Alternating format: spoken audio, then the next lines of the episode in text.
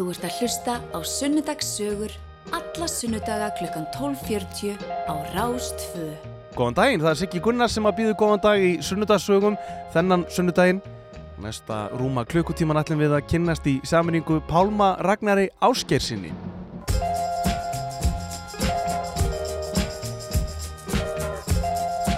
Pálmi er lagahöfundurinn á bakvið Eurovision-lægið í ár, lægið Power með Diljá og reyndar líka lagahöfundurinn á bakvið stærstu íslensku popsmellina síðastliðin tíu ár eða svo. Hér eru brotur lögum sem að þú ættir að kannast við.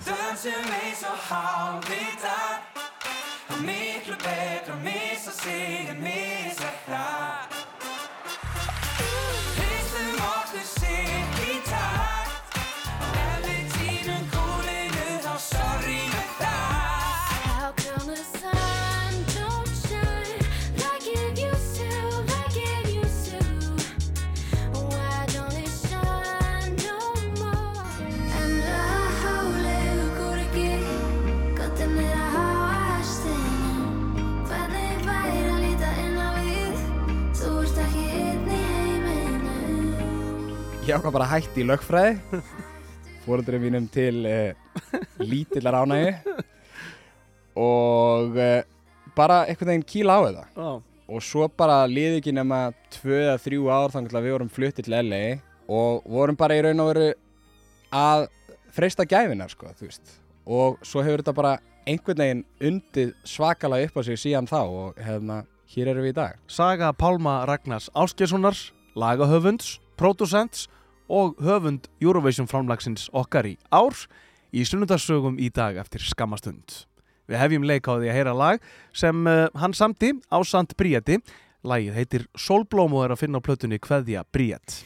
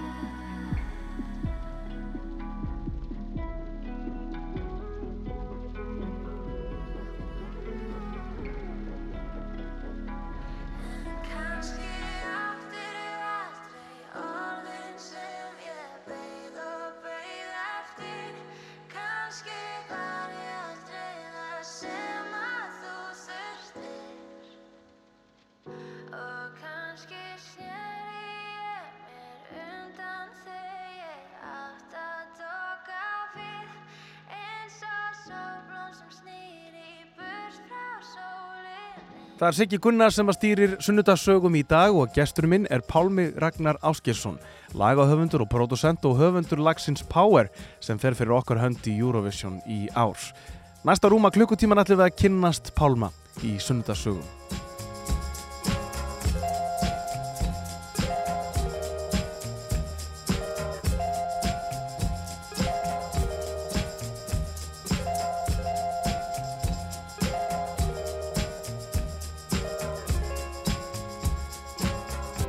Pálmi Ragnar Áskjesson, velkomin í sunnudagssögur. Þakka fyrir. Hver er galdurinn á baku það að semja gott lag? Stóra spurningin í upphæði. Sko, um, ég held að, ég held að uh, galdurinn sé náttúrulega ekki til, þú veist, það er ekki, það er engin ein, það er engin ein leið til að semja gott lag, en þú veist, þú getur auðvitað eitt mjög mikið á óvissu þáttu með að semja mikið og ég reynir svolítið mikið að hlusta á, sko, líkamann minn þegar ég er að semja lag, Mm. bæði þegar ég er að semja og veist, um, reyni að skilja alla kunnáttu í músík eftir einhverstaðar annar staðar.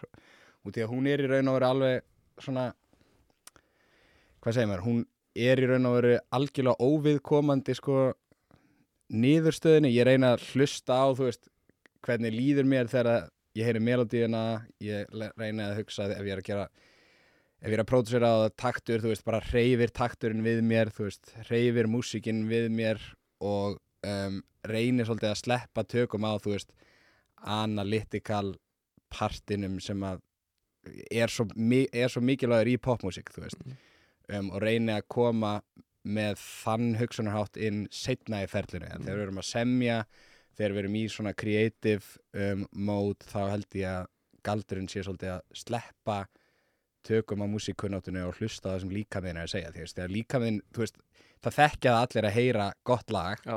og við fá bara líkamlega viðbröð skiljum við, þú bara svona, herðu byrju melodían, hún er bara að taka mig eitthvað, eða þú veist, eða takturinn er bara hann, ég get ekki ekki dilla mér með þetta. Ég held að þetta sé svona það sem ég hef kannski lært mest á undanfötum árum er að, þú veist, þegar maður gerir nógu mikið af þessu, þá byrjar maður að þekkja þetta er tilfinningin sem Mm. að þýðir að við, við erum með eitthvað Hann lætur tilfinningarnar ráða för, svolítið, eða tilfinninguna svona fyrir tónlistinni ráða för. Já, þú veist, al al algjörlega, þú veist, og náttúrulega maður er alltaf, sko, maður er alltaf að reyna að setja sig í spór þess sem er að heyra lægið. Mhm. Maður einhvern veginn fjarla, reynir að taka egoð algjörlega út úr þessu og, og hugsa hvernig er tilfinningin að heyra lægið fyrsta skipti, skiljum mig, og hvernig tilfinningin að heyra lægið í annað skipti og í hundraðasta skipti, skiljum mig. Um, án þess að, þú veist, út af þegar maður byrjar, þá er þetta svo mikið bara svona oh my god, ég trú ekki að ég hafi búið þetta til já, já, já. Og, og svo kemur Eko og segir bara herri, ég er bara nokkuð góður, ég gerði þetta þetta er frábært, skilur mig en þegar maður gerir þetta allan daginn alla daga, Mm.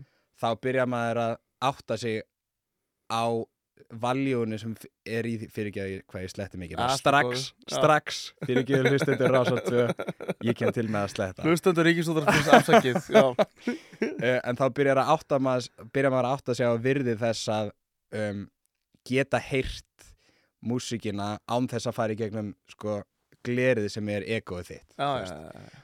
og reyna svona að fjarlæga það algjörlega úr þessu og reyna bara að setja sig í spór þeirra sem er að heyra músíkina og, og segja genuinely hreyfir þetta við mér eða hreyfir þetta ekki við mér Mm. mm. Talandi um að gera þetta oft og gera það mikið af þessu, ég var að tala bara uh, um þig, ég var að tala um þig gott á, á, á, á fundi í vikunni við fyllt af tónlistamönnum og ég var svona að velta fyrir mér þú ert einn af fáum hér á Íslandi sem að ert lagahöfundur í fullu starfi Já. þú ert ekki í hljómsveit, þú Nei. ert ekki svo í sletti, session uh, Nei, nei, leikari nei, nei. þú ert ekki að halda tónleika Einmitt. þú ert inn í stúdíói uh, Já, frá 9 til 5 innan gæsaleppa, stóra gæsaleppa þú kannski allar svolur ringið stundum Já. Já, en er, er, er það ekki einn af fáum sem er bara, þú veist, þetta er ekkit mjög algengt hér á Íslandi að hér séu bara lagahöfundar í fullu starfi og þú verið bara náðast allar þína fullanast tíð eða ekki? Jú um, Jú, það er alveg rétt Það eru náttúrulega ekki margir á Íslandi sem eru, þess, eru í þessu Nei, Þetta er, þetta, þetta er þetta erlenda mótil eða þetta er svolítið erlend mótil og vi, ég náttúrulega hef fekk tækifæri til þess að búa í Kaliforníu nokkur, nokkur ár og lærði ég myndi segja fyrsta lagi kannski lærði ég work ethic Mm. en ekkit síður lærði ég það að þetta er hægt skilur mig það er hægt að lifa ágætis lífi af því að um, uh, semja og pródusera lög Já. og ég hef bara verið það heppinn að hafa náða raungera það, þann draum hérna heima sko. og er bara mjög þakklátur fyrir það um, og um, jú, það eru náttúrulega ekki margir sem eru í þessu en það er kannski bara ágætt fyrir mig Akkurat, en ég meina, já, þú, þetta er eitthvað sem týðkast alls staðar annars það tala mikið um svíþjóðu fyrir hérna landið í poppir og svona það sem að, það sem að sko bara heil yðnaður snýst um þetta, að menn eru bara í sa, nákvæmlega sama starfi og þú ert í hérna, algjörlega. Að, að hérna, og, já, þarf ekki svolítið aga til þess að, að einhvern veginn, já, bara, þú ert einn í, í stúdiói að, að vinna og bara að skapa og, Jú, og náttúrulega sko ég myndi segja að ægi er eh, risastór hlut, hluti af því af hverju mér hefur gengið vel mm, um, en svo er náttúrulega bara þú veist ægin sko kemur inn þegar að áhugin bregst, skilur Mm. mig en ég hef líka bara verið heppið með það að ég hef bara alveg frá því að ég kláraði mentaskóla bara verið heldtekin af þessum heimi Já. og það þarf ákveði level af obsession til þess að gera þetta að í raun og veru gera hvað sem er já, já, um, á háu leveli í gæsalöfum já, og eins og ég segi ægin, stundum þarf ég að stundum þarf ég að svona nota agapartin af mér. Já. og ég geri það oft sko. En langsamlega, langsamlega oftast get ég ekki beðið eftir að mæta nýri stúdíó, Já. skilur mig. Og það er bara hefur með það að gera, ég er náttúrulega bara að vinna með frábæri fólki um, ég hef brenn fyrir að gera popmusík, skilur Já. mig og ég sé það ekkert breytast eitthvað í bráð sko. Hvar byrjar þetta allt saman? Svo við förum núna í, í ræturnar. Hvað, sko, varstu, varstu að læra á hljóðfærið þú varst ungur og, og, og, og hvaðan ertu? Svo við förum alveg þangað. Já, Já. ég er bara um, úr hlíðunum Mm?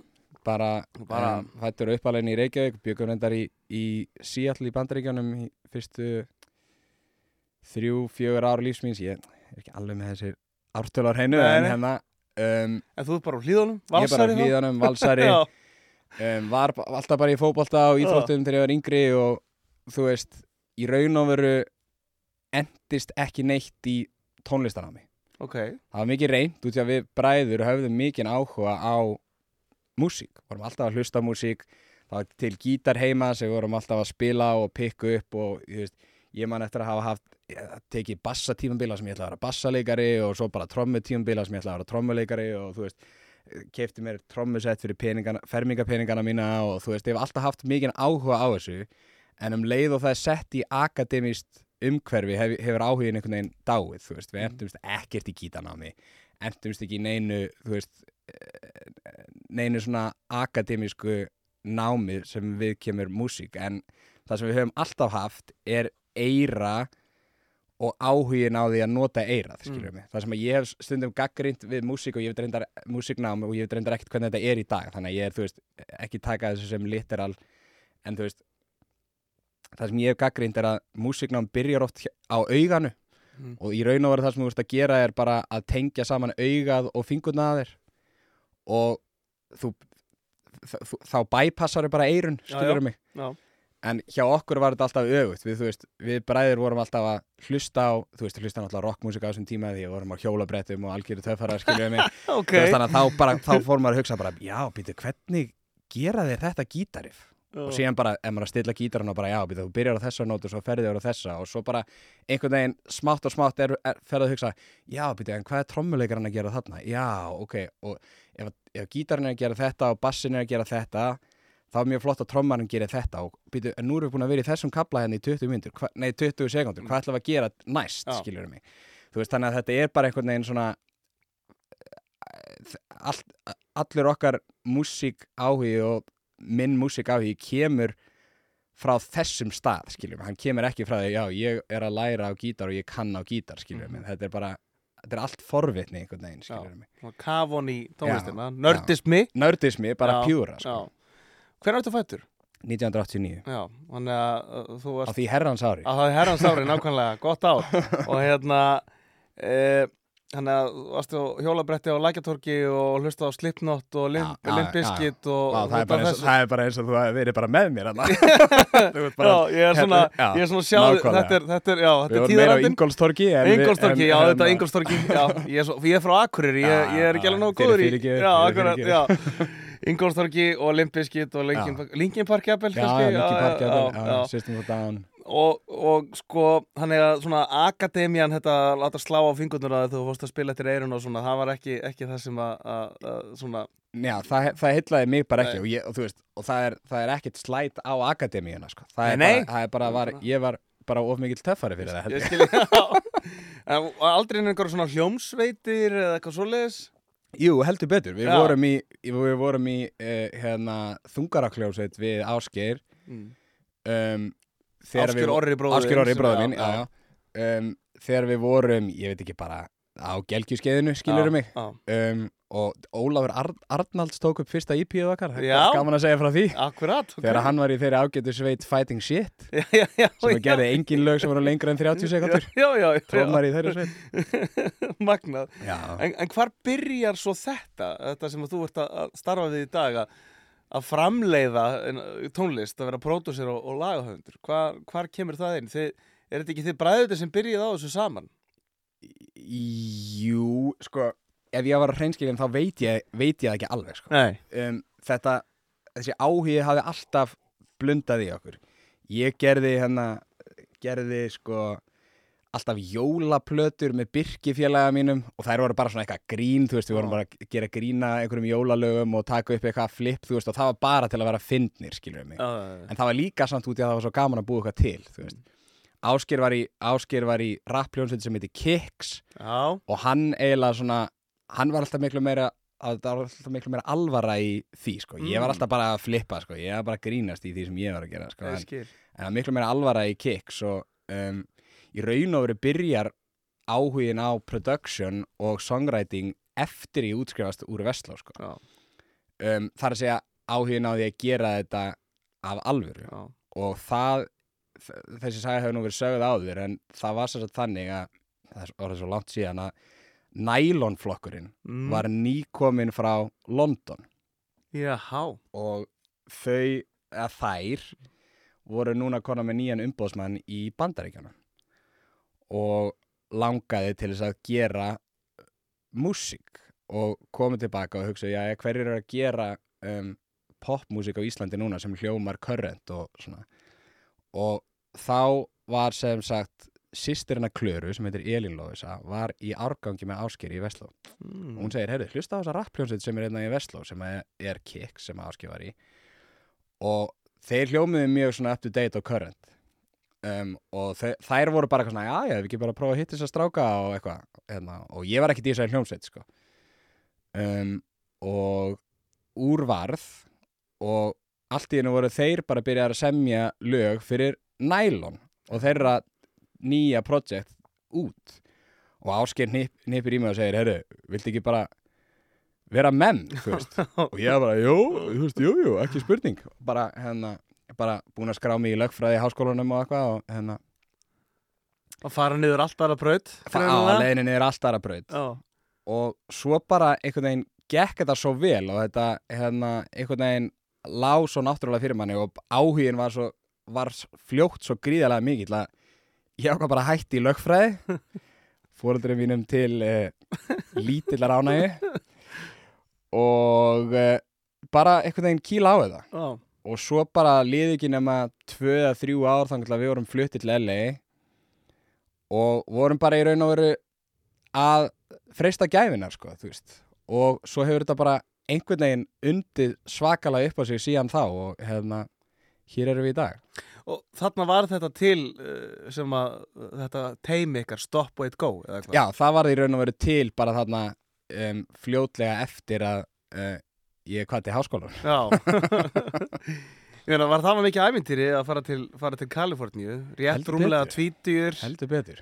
Að fara inn í þennan svakalega hákallabransa þar, eða ekki, var það ekki lífsreynsla? Það var náttúrulega bara mikil líf, lífsreynsla en hérna, ekkit síður bara ótrúlega, ótrúlega mikilvægur skóli. Já. ég veit ekki hvort að fólk átta sig endilega á því út af því að það er svo margt gerst í íslenskri músiks síðan þetta var Já. en þegar að við vorum út í LA og árin áður þá var íslensk músik skilurum mig Þorvaldur Bjarni og Vigni Snær Já. og Sveitabölin þegar ég var í Vestló þá var sko sálin alltaf á, á Nemo og svona þú veist Akkurat. þannig að Það, það þekktist ekki uh, Nei, þetta, þessi svona útgáfu pródúserar, starfsemi sko, pródúserar voru ekki til, Nei, skilur mig ekki, ekki, eins og í og þínum skilningi eins, sko. ekki eins og þeir eru í dag Nei. og það að allir kynnu að taka upp og gera lög Mhm. er algjörlega nýtt dæmi Ég segi stundum að, að allt fyrir ástina með Páli Óskari, Örlugur Smári hafa verið svona fyrsti svona algjörlega, á Íslandi, algjörlega, 2007. algjörlega. Já. Um, og um, þannig að umhverfið til þess að svona uh, læra og tala, tala nú ekki um bara þú veist, actual tónlistabransi var í raun og veru bara ekki til eins og hann er í dag. Þannig að við höfðum voðalega lítil tækifæri til þess að fara í einhvern eða sko skóla okkur í bransanum heima áður en við fórum út. Þannig að bransin úti sem tekur við okkur þegar við förum uh, var rosalega svona það var rosa steep learning curve sko. þú veist, það er bara, maður kemur út og maður bara, herru já, býtu, þetta er allt öðruvísi. Og býtu, herru, fólk vinnur bara allan sólarhingin og býtu, býtu, það er sunnudagur af hverju erum við að bóka tvö session í dag? Og þú veist, þetta var rosa mikið svona já, ok, ég, ég skil núna hvað við erum far, farnir út í og þetta tekur þetta nokkur ára hérna, kynnast öllum. Fyrir, fyrir utan sko bara fyrir utan svona uh, hvernig hlutinir eru gerðir í praxís að kynnast bara hugtöku, hugtökum bransans tekur nokkur ár og við förum með þetta tiltölulega illa út úr þessum uh, nokkrum árum aðna Mhm. þar að segja að við vorum fastir í vondum samning um, gekk ekkert að losa og allt svona en skólinn sem þetta var er samt ómetanlegur skilur mig En ég meina, það hlýtur að vera rosalega skóli að fara inn í þetta og það er búið að rétta ykkur einhverja samning og það skrifað undir og svo allt einu maður bara komin á káan í einhvern business sem að maður kemst ekki, kemst ekki út úr, þú vantarlega sko þroskast sem viðskiptamaður. Nei, Það bara alveg 100%, Já. alveg 100% og náttúrulega sem einstaklingu líka Já. því að við, við erum, maður er líka að horfa á það bara svona Herra, ok, ég er að flytja að heiman í fyrsta skipti um, Og ekki sko, ekki til Kaupmannhafnar Nei. eða eitthvað. það, það tekur bara- mig 26 klukkutíma að komast heim Já, ef ég legg að staða núna og hérna og uh, já, og bara, þú veist, við erum að flytja heiman í fyrsta skipti, við erum að leia í fyrsta skipti, við erum allt í hennu með reikninga hverju mánuði, þú veist, að- er, þú veist, ofan á allt hitt, þá er þetta líka mikill, hérna, og þú veist, við, við erum ekki, sko, þetta er ekki sagana sem að við gerum stóran plötudíl og fáum 50 miljonar um að leika okkur. nei, Þetta er sagana sem að við erum að gera verkefni í gegnum, sko, MSN til þess að borga leiguna sem að var dú fyrir 60 já, já, já, veist, akkurat. þetta er hérna þetta er súsaga sko. Að þetta var rosalega þroskandi bara frá A til Ö sko. Já, og kannski kennir mann það að það er ekki allt fengi með því að fara út í hinn stóra heimi að sækja vatnið við lækin það er ekki, sko. allt betra Algjörlega annar staðar Nei, bara 100% ekki og Já. sérstaklega í dag það sem að heimurinn hefur minkað svakalega mikið þá er, veist hérna, þá er oft bara aukið flækjusti og kannski bara verra að vera einhvers staðar það sem að þú ert ekki örugur, skilur mig en á þessum tíma þá komið þið nú samt lægin á, inn á vinsaldalista í Breitlandi, er það ekki? Það er hár rétt, það er hár rétt Ég Já. held að hann- ég held að hann tekið fymta sæti þarna fyrstu vikuna Já, Já, var það ekki The Saturdays? The Saturdays, Já. stúlkansveitin The Saturdays, Já. 100%, jú, það var, hérna, það var eiginlega það eina sem, góða sem kom út úr þessu samstarfi sem við gengum inn í hérna nokkrum árum áður.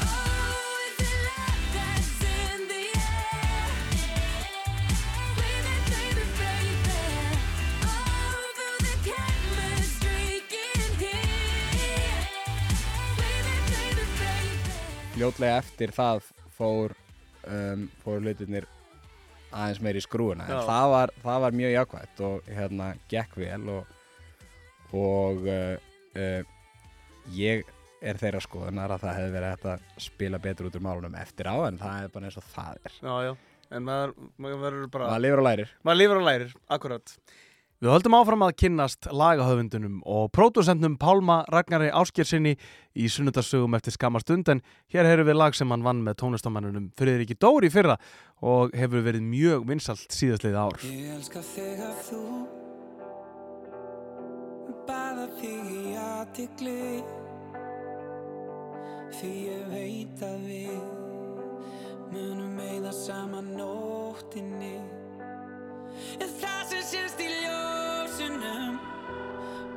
hluti af heildinni. Já, ég þekki öll í leyndarmál. Hvíslar þeim að mér undir sænginni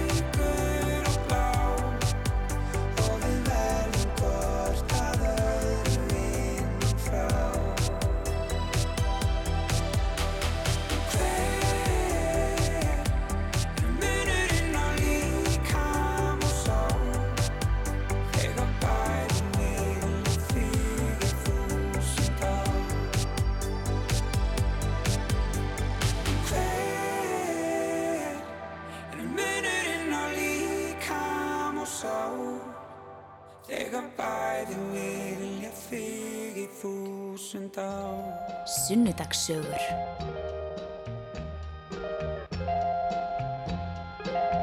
Sunnudasögur halda áfram þennan sunnudaginn á Rástvö. Það er Siggi Gunnar sem að stýrir þættunum og gesturinn minn í dag er Pálmi Ragnar Áskjesson, lagahöfundur og pródúser.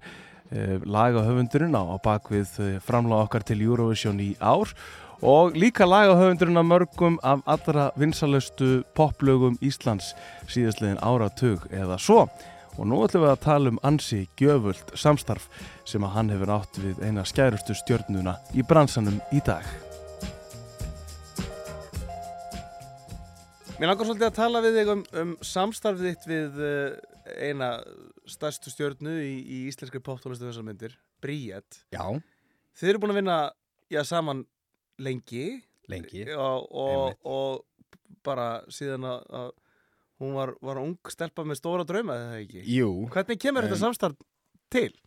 sko, eins og held ég allar sögur byrja í dag, þá er það í raun og vera á Instagram já, þú hefur heyrt þetta mikið. Já, já. já.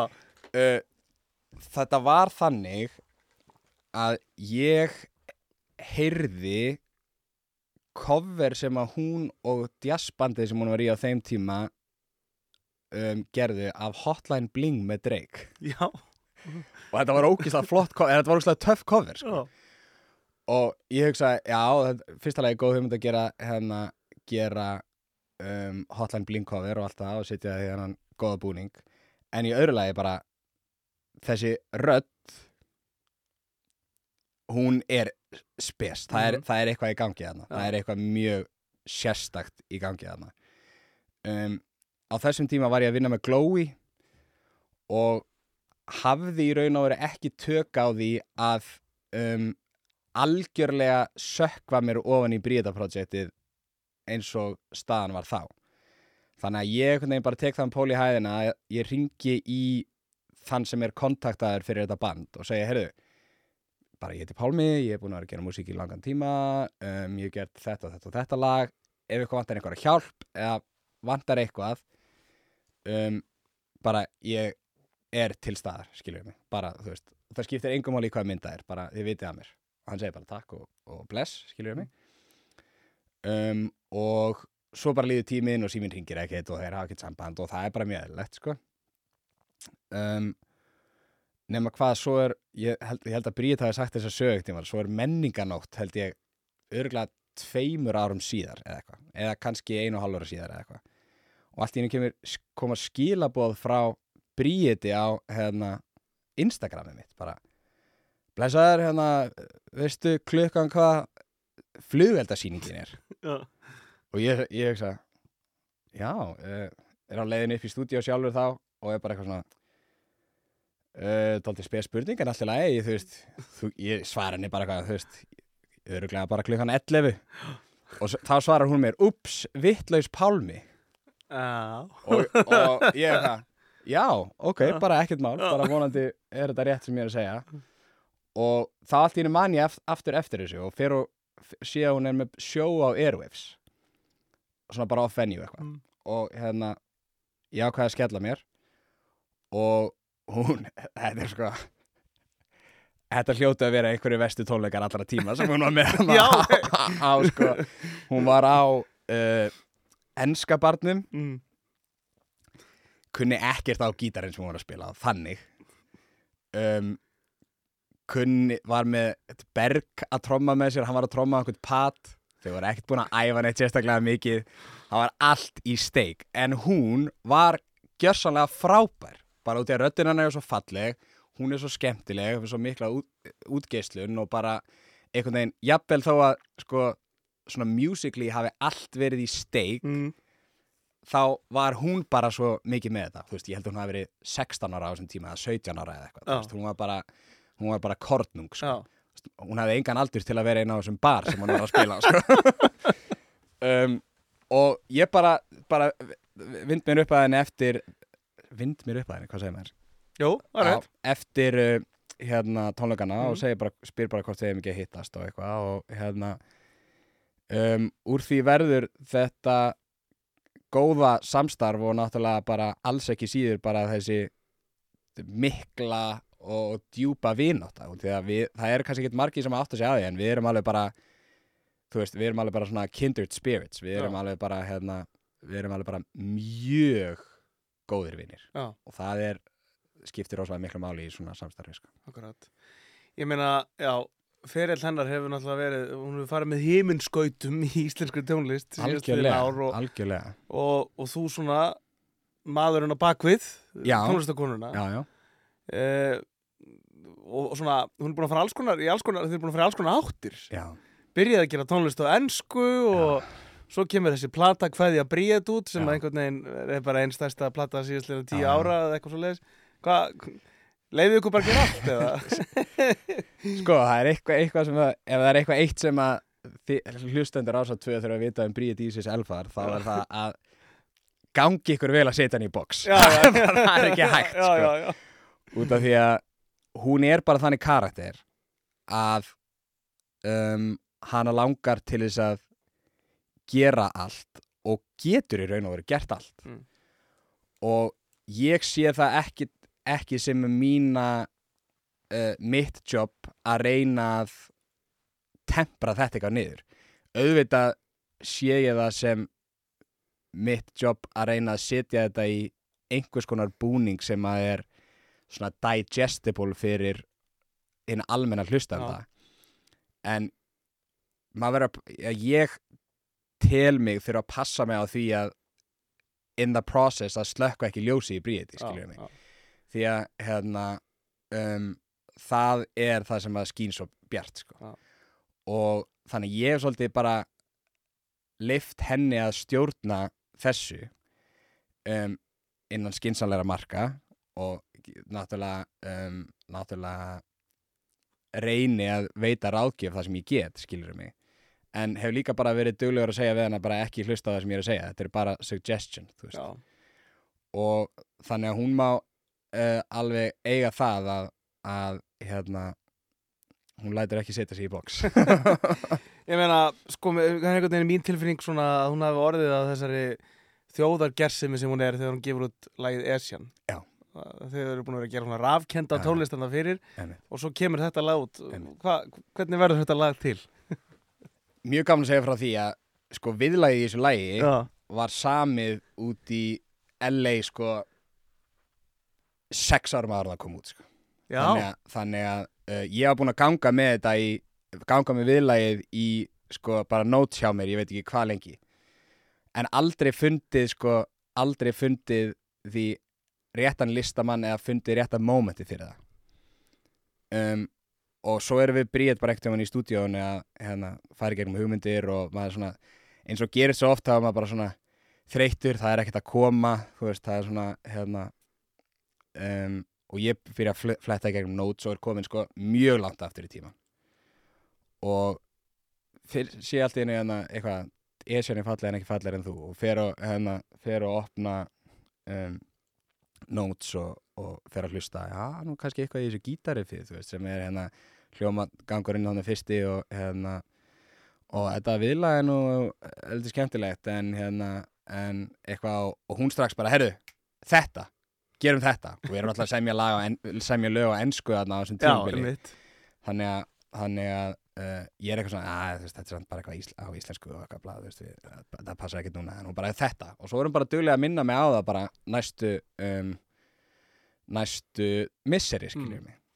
Og svo bara einhvern veginn í einu af fjölmörgu sessónunum okkar þá bara byrjum við að vinna í þessu. Og úr verður þessi þetta lag, skiljum mig? Og um, það var náttúrulega bara svolítið mikið bara á skakk og skjön við allt sem hún hafi verið að gera á þessum, fyrir þetta sko. En eins og ég segi, gangi ykkur vel að setja bríðið í, í þessi elfar í Já. þannig að bara úr var þetta og náttúrulega the rest is history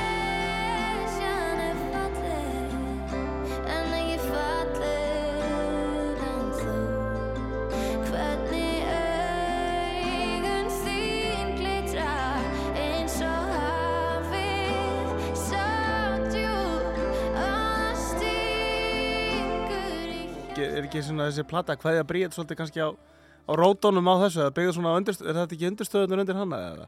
Jú, Þannig? jú, sko ég held að hérna, ef, það, ef það er eitthvað sem að ég hef lært af íslenska músíkbransanum og það er í raun og verið held ég bara applikable fyrir heiminn en hérna, við skulum halda okkur í Íslandi í byli er að sko þú getur, þú getur verið rosalega mikill tónlistamæður og verið hérna kunnað allt milli himins og jarðar og eitthvað en ef þú ætlar að vera með karýr þá byggir hann á bakinu á risastórum lögum Mm og um, og í raun og veru opnaði Esjan um, dyrnar fyrir því að Bríet þú veist ætti risa karýr í, á Íslandi já. og um, og þar að leiðandi þú veist var allt í hennu allt í hennu var sko jarðvegur fyrir plötu. Allt í hennu var eftirspurn eftir heyrðu, hvað meira er þessi stelpa að gera þetta við vitum af feimin og þessum enskulögum og eitthvað en hún var bara að byrja þá, hvað er, hana, hvað er næst og þegar að það er svona momentum í kringum artista sem gerist ekki oft en gerist um, endrum og sinnum þá verður að fylgja því eftir. En við skulum alveg fá það reynd að það var ekki ég sem var herru, núna er momenti fyrir plötu við erum bara, bara, ég var bara, ok, þetta er stórt lag á Íslandi, Mm. flott, en ef ekki einbætt okkur að, þú veist því að fara út Já, stóra heiminum Já. og hún segir, mér finnst ég eiga ótrúlega mikið inni á Íslandi og ég held að við ættum að hérna, fara á eftir því Mm. og svo kemur COVID og allt þetta skilur mig, þú veist þetta lagi kom bara út rétt fyrir COVID sko. Um, og einhvern veginn ytri aðstæður bara svona voru svolítið þannig að jafnvel þó við myndum gera stórt lag sem að væri stórt lag í útlöndum þá gætum við ekkert fyllt í eftir eða gert neitt, veist, þannig að þetta var bara mómenti til þess að einbæta okkur að Íslandi og úrvarð hérna hvað er Já. sé ekki eftir í dag, þú veist bara eins og alltaf, ég sé ekki eftir því að hlusta á bríði hún segir mjög mikið bull en Já. yfirleitt er einhver sannleikur í því líka sko. Hún er, er greinlega með eitthvað nef fyrir þessum hlutum. Hún er algjörlega einstök. Með eitthvað, svoleiðis. eitthvað skilningavitt já, Já, það er bara þannig. Blind Blinduð af þér ég Mála upp mynd Sem ég er sátt með. En þú lappar um með skambissu og dregur án á slirinu og miðarinn á öllu kring Með höndina á sylginni og sveifluna á leikinni en ég lít alltaf undan að því. Brosið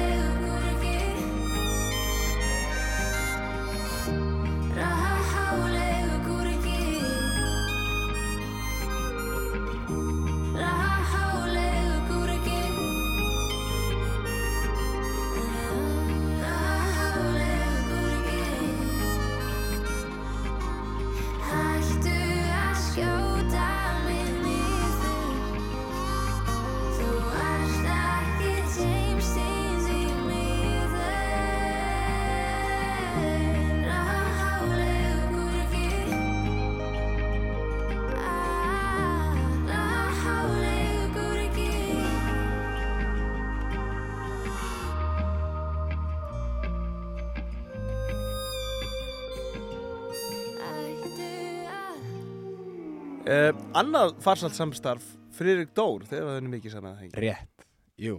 Um, og bróður hans, vissulega líka ég vinni mikið með Jóni. Já, ég og Frikki, við kynntumst í Vestló. Mm, og við vorum saman í 12.0 í Vestló. Já. Útungunastöð fyrir, fyrir uh, Versló, bara bæði 12.00 og, og svo Nemo eða, eða leikhúsið þar ekki? jú, gott, gott að taka það fram samt að, að það var í raun og veru og kannski einhver leiti sem betur fer var 12.0 ekki það sem það var fyrir en eftir að ég og Frikki hérna, Já, já, já, já, já. þegar við vorum þá var þetta meira bara svona strákar að segja eitthvað brandara Já. og taka, taka viðtal við fólk að böllum og eitthvað svona þetta var meira svona lokal en síðan árin eftir var þetta miklu meira stærra konsept en við sem sagt kynntumst þar og þá var hvorugur okkar tónlistamæður um, og uh, síðan bara byrjar Rikki að grúska í músík náttúrulega búin að vera eins og bara eins og við bræður voru þeir bræður búin að vera grúska í músík bara svona Mhm. bak við tjöldin bara síðan þeir voru krakkar og hérna eins með okkur en, hérna, en við kynnumst í raun og veru ekkit sem tónlistamenn fyrir en eftir Vestló sko. um, og já hefum bara alltaf náð vel saman hvort sem það er creatively eða bara sem félagar og hérna og um, höfum bara haldið því góða samstarfi áfram í öll þessi ár sem er bara yndislegt sko. Hvernig er að, þú veist að halda svona að því þú ert ekki tónlistamæður sjálfur þú ert ekki, þú ert ekki að syngja lögin sjálfur að gera hvernig, er, hvernig er að vinna svona náu með fólki eins og Friðriki Dóra eða Jóni eða Bríeti? Það eru þetta bara í fyrsta lagi bara um, algjör svona blessun. Mm. eða þú veist, það er hérna um, maður er ótrúlega heppinn að fá að vinna með þessu fólki og ekki síður sko, ekki síður þakklátt að um, að þetta fólk skuli treysta manni, Mm. skilur mig og uh, um, en þegar að kemur að sko, þegar að kemur að uh, ferlinu sjálfu þá um, leita listamenn til manns af mjög af mismunandi ástæðum, Mm. skilur mig sumir um, sumir þurfa bara þú veist, semja sjálfur um, Jóni til dæmis þannig hann semur yfirleitt allt sjálfur fær stundum eina löfdal til að gera texta fyrir sig Já. en þegar að kemur að músikinni þá um, þá uh, vantar hann bara pródusser Mm. Frikki er aðeins öðruvísi því að Frikki er rosalega opinn fyrir því að láta um, uh, mata sig af hugmyndum. Hann er, hann er, Frikki er alls ekki þannig að hann, hann tekur bara lag eftir mig. Það myndi aldrei gerast, skilur mig. en hann er rosalega opinn fyrir um, hugmyndum. Og einhver af okkar svona stærstu lögum í gegnum tíðina hafa byrjað sem svona eit- eitthvað back and forth, skiljur mig. Dönsum eins og halvvitar til dæmis byrjaði sem bara track frá mér um, þannig að ég gerði bara þessu þetta undarlega track heima í stofu. Um, og sendi bara frikk og segi, getur þetta ekki verið eitthvað? Síðan heyrir Ásker þetta, Ásker semur viðlæðið hana og dönsum eins og halvvitar mm. og Frikki kemur með versin. Og ég myndi að segja að þetta sé svona um, um, módel sem hefur doldið einkent okkar samstarf, skiljum mig. Svo er náttúrulega fullt af lögum, þú veist, Frikki kom með Frökun Reykjavík bara sem kassagítarpikk, náttúrulega texti gammal texti en hérna, sem kassagítarpikk og melodía og, og segir, getum við ekki gert eitthvað við þetta? Um, þannig að hvert og eitt lag á svona sína e eigin sögu og er ekki, enginn þeirra er eins í raun og veru. En það er bara til að marks um það hvað fólk leitar til manns af mismandi ástæðum, skiljum mig.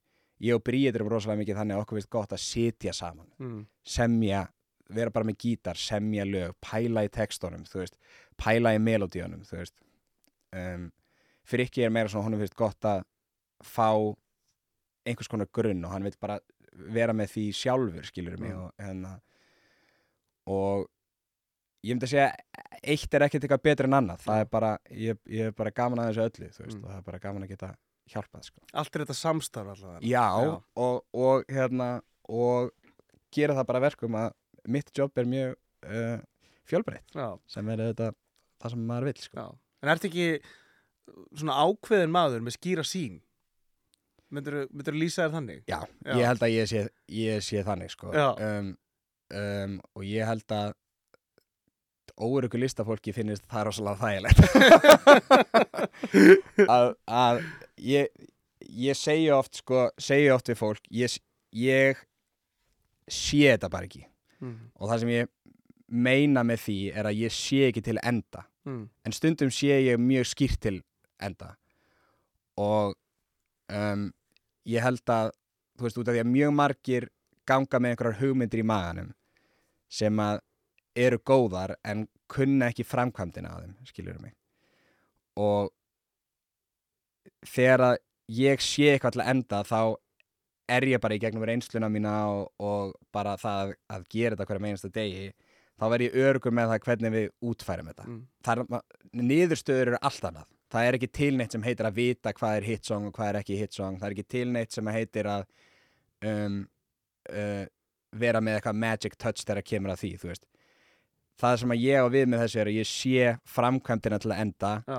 og ég held að ég geti gert eitthvað sem að við, við bæði eða báðir erum um, stolt af Mm. og um, er inspirerandi musically skilurðu mig. Þannig um, þannig að ég trúi því allavega að það sé eina af ástafanum fyrir að fólki þykir gott að vinna með mér. Mm. en svo er ekkert allir sátti við, við hugmyndina mínu alltaf sko, það, það er alveg mjög oft gerst að fólk er eitthvað þetta er ekki eins og ég sá þetta fyrir mér. Og það er bara, það er bara partur af prósessnum Já, sko. já, maður getur ekki alltaf verið maður getur ekki alltaf haft rétt fyrir sér. Nei, 100% og ég er, hérna, ég er og það mun örgulega margir hlæja núna en ég hef bara mjög ofta rátt fyrir mér hvort sem ég viðkynni það eða ekki. Ég er aldrei minniskikkanlegur Ég veit að kemur betra veður. Sýst allt um hrættræna legur En hún er ekki voru á vegur En hei, hei, hei, hei Hvað ætlar þú að gera í því? Hei, hei, hei, hei Hvað ætlar þú að gera í því? Ég gerum bara eitthvað gott og gerum það saman. Mér er alveg sama hvað bara það er gaman. Svífum saman eins og poppis á hlífinni. Brotlendur þegar hún týnist í hlífinni. Fljúum saman eins og dúmba á eyrunum. Gerum eitthvað gott sem fólk var að heyra um. Gerum eitthvað gott sem fólk var að heyra um. Gerum eitthvað gott sem fólk var að heyra um. Dansum eins og hálfvita Það er miklu betra að missa sig en missa það. Hristum okkur sig í takt. Og við týnum kúlinu þá sorry með það. Skrá engar aðtug og sendir. Ég veit að kemur ei heim sendir. En það er margt sem að bendir. Til þess að guðum minn sé kvendir er En hei, hei, hei, hei Hvað ætlar þú að gera í því? Hei, hei, hei, hei Hvað ætlar þú að gera í því? Ég gerum bara eitthvað gott og gerum það saman Mér er alveg sama hvað bara það er gaman Svífum saman eins og poppis á hlífinni Brotlendur þegar hún týnist í hlífinni Fljúum saman eins og dúmba á eyrunum Gerum eitthvað gott sem fólk var að heyra um Gerum eitthvað gott sem fólk var að heyra um Gerum eitthvað gott sem fólk var að heyra um Dansum eins og hálfvitar Það er miklu betra að missa sig en missa það. Hristum okkur sig í takt. Og við týnum kúlinu þá með það. Ef að þú vilt dansa eins og drottningin í draginu máttu það Það. Máttu það Ef að þú vilt dansa eins og fylarinn á þakinu máttu það Það. Máttu það Og ef að þú vilt bara sófa dilla þér með læginu máttu það Það máttu það En ef að þú vilt dansa eins og famaður í fæinu máttu það. Dansum eins og hálfvitar Það er miklu betra að missa sig en missa það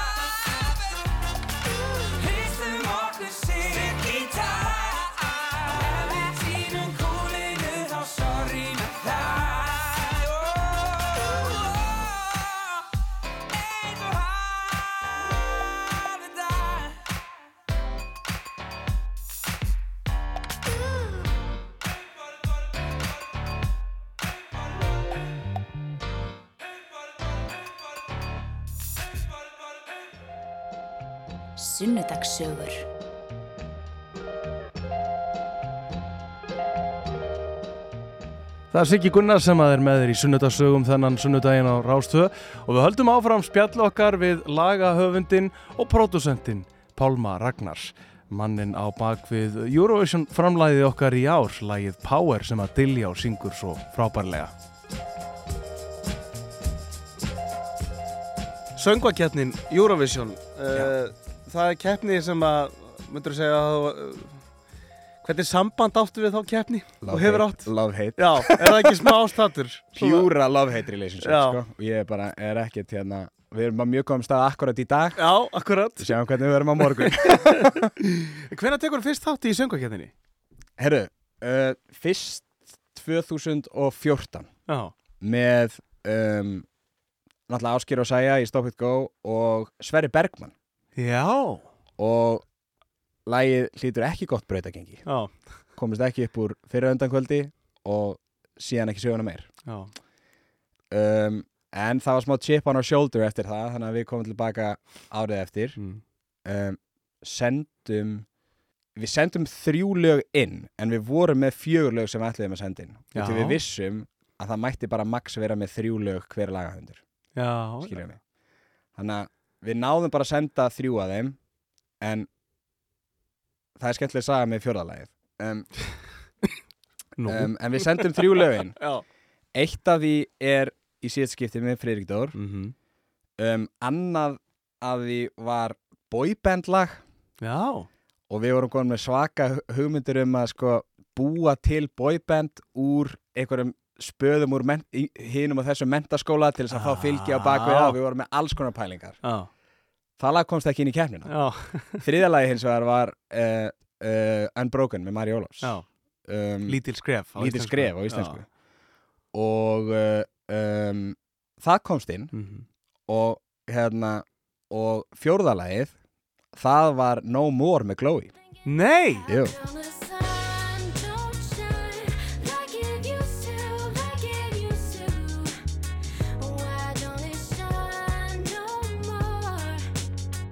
Sem að Vá. var risastórt eftir keppnina Já. Risa risastórt. risa risastórt Já. og startaði hennar karriér sko. en það var sagt fjórða lagið og við bara náðum ekki að taka upp í tæka tíð til þess að skila inn hérna demónu Hú.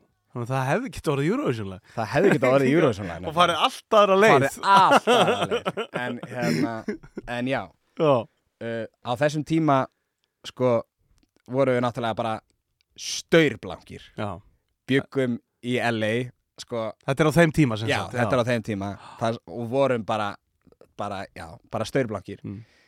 um, og ákveðum bara að taka það þú veist, við hefum verið að keppna aðra og þetta er bara, eitthvað algjört kjátaði sko, sko, þú veist, ég reyðir yfir að komast ekki áfram uh, en vorum eitthvað svona, herðu þú veist, við ætlum bara að fjármagna dvöl okkar hérna út í, út í LA með því að senda bara fjögur lög inn Ekkert rugg. Ekkert rugl. Já. um, tvöðum komist inn og þú veist fólk þekki söguna síðan þá Jú, skilurðu jú. mig. Það, þið náttúrulega bara fóruð í, í þetta svo kallaða einvíi með Já. ba- bæðu lögin ykkar og Já, það var góð tilfinning fyrir okkur það geta ímynda mér að Mi- Frikka og Mari hafa ekki liðið alveg að vel en það er eins og það er akkurat og farið svo út náttúrulega með, með Mari að þú hefur pröfað að fara inn í þessa Já. Eurovision búblu Já. Og hvernig var það það, var þarna? mik, það var mjög mikill skóli þá Já, um, kannski það sem maður tekur með sér uh, frá því er að það er rosalega mikilvægt að hafa lítið teimi og hafa, um, hafa þétt teimi já, og þá er ég ekki að tala um endilega þú veist, þú veist teimið var náttúrulega bara við og Marja og við þekkjumst öll og eitthvað mhm, en ég er að tala um allt utan að komandi teimi Ma, og maður læriði líka svolítið af því hvað um, hvað þetta er ótrúlega yfirgripsmikið fyrir flytjandan sjálfan mhm. um, og Marja var kannski einhverju leiti óheppin að því leitinu til að þetta var eiginlega sko social media early days þegar hún keppir Já, við vorum ekki ennþá búin að læra hvernig við eigum að haga okkur á social media og þá er ég að tala um bara þjóðin þú veist, Mhm. og bara fólk í heiminum um, og það, það var rosalega rosalega svona mikill skóli í því hvað þetta er í raun og veru yfirgripsmikið sko. Ofbáslega pressa. Meina, það er af þessum 350.000 hræðum hérna á Íslandi þá eru 347.000 hræður sem fylgjast með, fylgjast með þessu og hafa skoðun á þessu. Um, og og um, og bara ofbáslega mikil ábyrð um, og hún getur og það er náttúrulega, þú veist, ábyrðin sem að, sem að flytjandunir sko bera eru þetta sko leaps and bounds meiri en þe- þeir sem við berum en við Já. berum samt líka einhver ábyrð mm. og það var kannski hérna, það var kannski svolítið það sem maður fann í þessu ferli og mistökin sem að ég til mig hafa gert í þessu ferli er að einhvern veginn skarast undan þessari ábyrð sko. Mm. eða sem að skorast, Já, að skorast undan skorast undan ábyrðinni ég ég og við ákvaðum mjög snemma að treysta um, svo kalluði fagfólki fyrir um, atriðinu. Mm. út í að það er í raun og veru bara við að segja við veitum ekki alveg hvernig við erum að gera þetta veist, þetta er svona skeri bla bla bla bla. En ég held að það hefur verið mistök. Ekki út í því að þau, ger, þau um, unnu ekki sína vinnu af öruglega eins vel og þau gátu þú veist, það er ekki punkturinn minn, punkturinn minn er bara að sá að þú ferð í söngvakeppnina með ekki bara lag þú ferð með atriði Já. og þú þart að ábyrgjast það að atriði sé eins gott og mögulegt er Mm. skilur mig ég veit það núna en á þessum tíma var ég bara blankur lagahöndur sem bjóði út í LA sko, og ég vildi, mér átti það bara pening Já, sko. ég skil, já þannig að hérna, þú veist, og Rúf borgar eitthvað smáttir í fyrir að, þú veist, hleypa læginu inn og Já. hérna, það bara, við sáum þetta bara Já, sem payday e- Eigum bara fyrir leigur Já, Já, já, akkurat, já, kemur í ljós að uh, sá peningur er mjög fljótur að fara þegar Já. kemur að söngu keppninu sjálfri en það er önnu saga, við lærum það líka. Já. Og það er bara allt í góðu, leksýr eru gerða til þess að læra þær. Um, en ég, ég held að mistökin mín og okkar strákana í þessu ferli hafi verið svona svolítið að fyrra okkur ábyrð á atriðinu sjálfu og því sem að um, fylgir því að taka þátt í Eurovision. Mm. Þannig að þetta eins og svo margt annað skóli, sakalega skóli mikill skóli, Já, mikill skóli.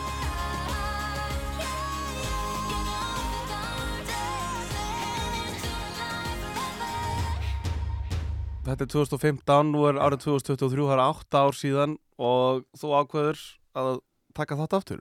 Já, Ekki, ekki allavega blankur í Kaliforníu að reyna að eiga Nei. fyrir leigu, þannig ekki það ástæðan. aðeins, aðeins öðruvísi aðstæður í dag. Já, sem betur fyrr.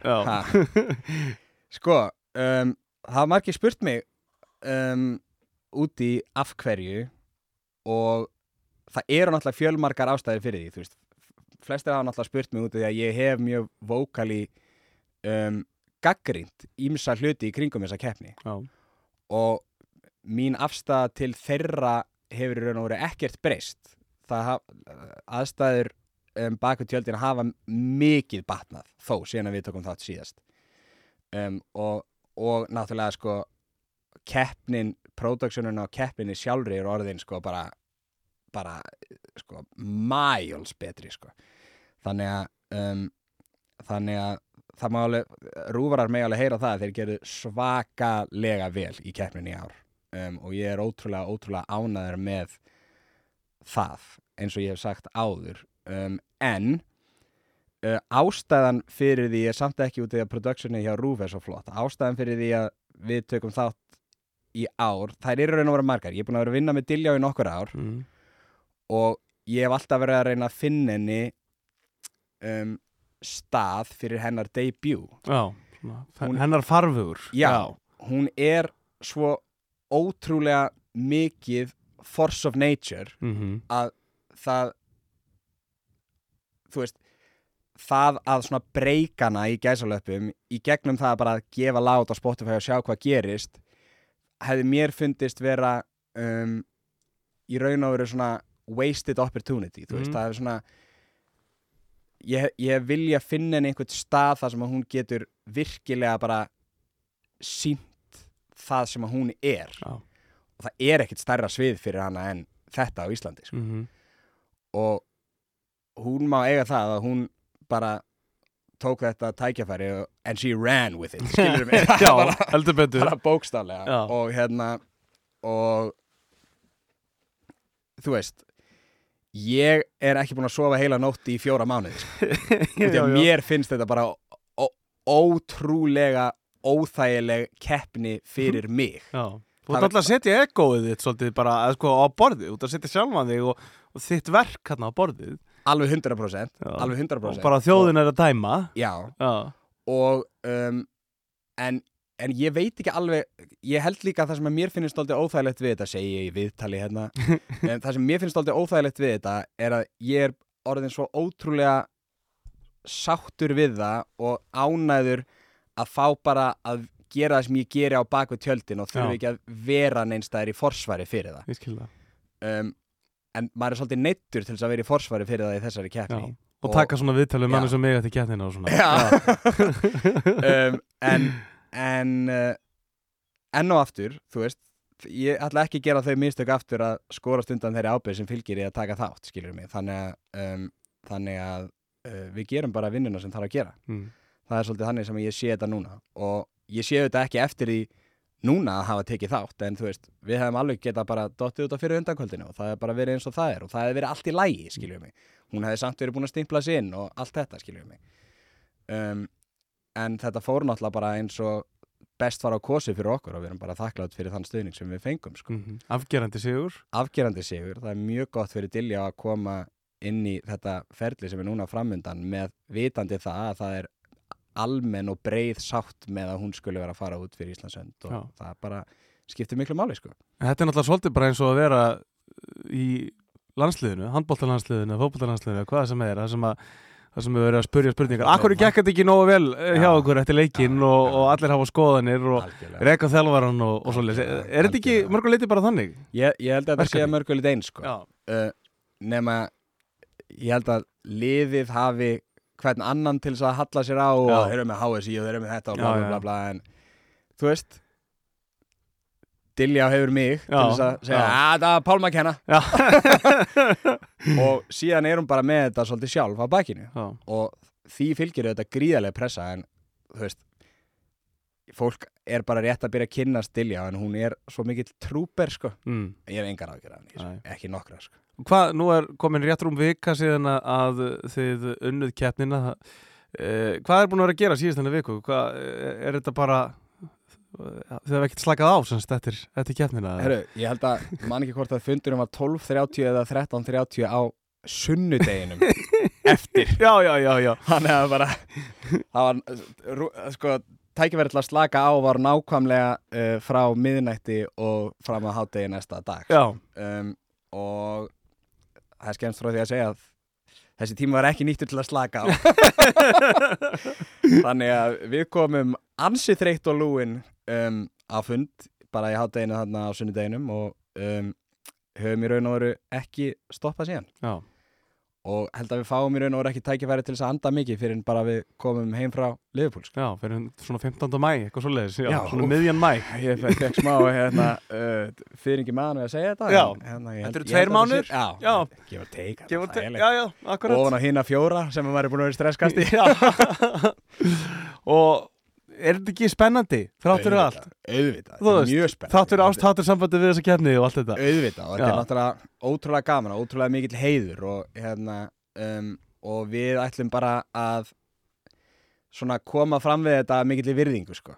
um, við, ég er búin að hérna, var svolítið með svona mindsetið í, í hinni keppninni að gefa mér ekki afslátt skiljum mig, út í að það eru svo margir það eru svo margir staðir í þessu ferli sem að þú vilt bara svona fyrir ekki að ég sl- sletti eftir bara svona let go and let God skiljum Mhm. við sjáum bara hvað gerist en ég trúi miklu meira á bara active effort þannig að þú veist þegar þið langar ekkert að taka upp síman og segja við þurfum að laga þetta eða breyta þetta Já. gerðu það samt Já, já, þú já. veist, því að ég ég trúi svolítið á það að maður fái það tilbaka sem maður leggur inn og ég held að þú veist það hafi, það hafi fáir í undan keppninni lagt jafn mikið á sig til þess að gera þetta eins flott og gott og við mögulega gátum og ég og Dilja fyrir Mm. þá keppni. Eins og ég sagt frá áður, við skiptum um lag sex dögum fyrir skil á demónu út því að við vorum búin að gera lag sem að var bara gott lag og það kemur auðvitað einhvern tímann út Mhm. en það var bara ekki rétta lagið, skiljum mig og þú veist, það þýðir bara 6 dagar af 20 tímum í stúdíónu þú veist, það þýðir ekki neitt annað sko. Mhm. um, og þú veist eins og ég segi, ég trúi á að maður fái tilbaka það effort sem maður setur inn og við erum að taka það hugafar með okkur inn í Eurovision og um, þar eru náttúrulega miklu fleiri hlutir sem þú hefur ekki kontról yfir en allir þeir hlutir sem við höfum kontról yfir munum við gera eins vel mögulega getum. Og þeir eru bæði mikið keppnisfólk. Mjög mikið sko.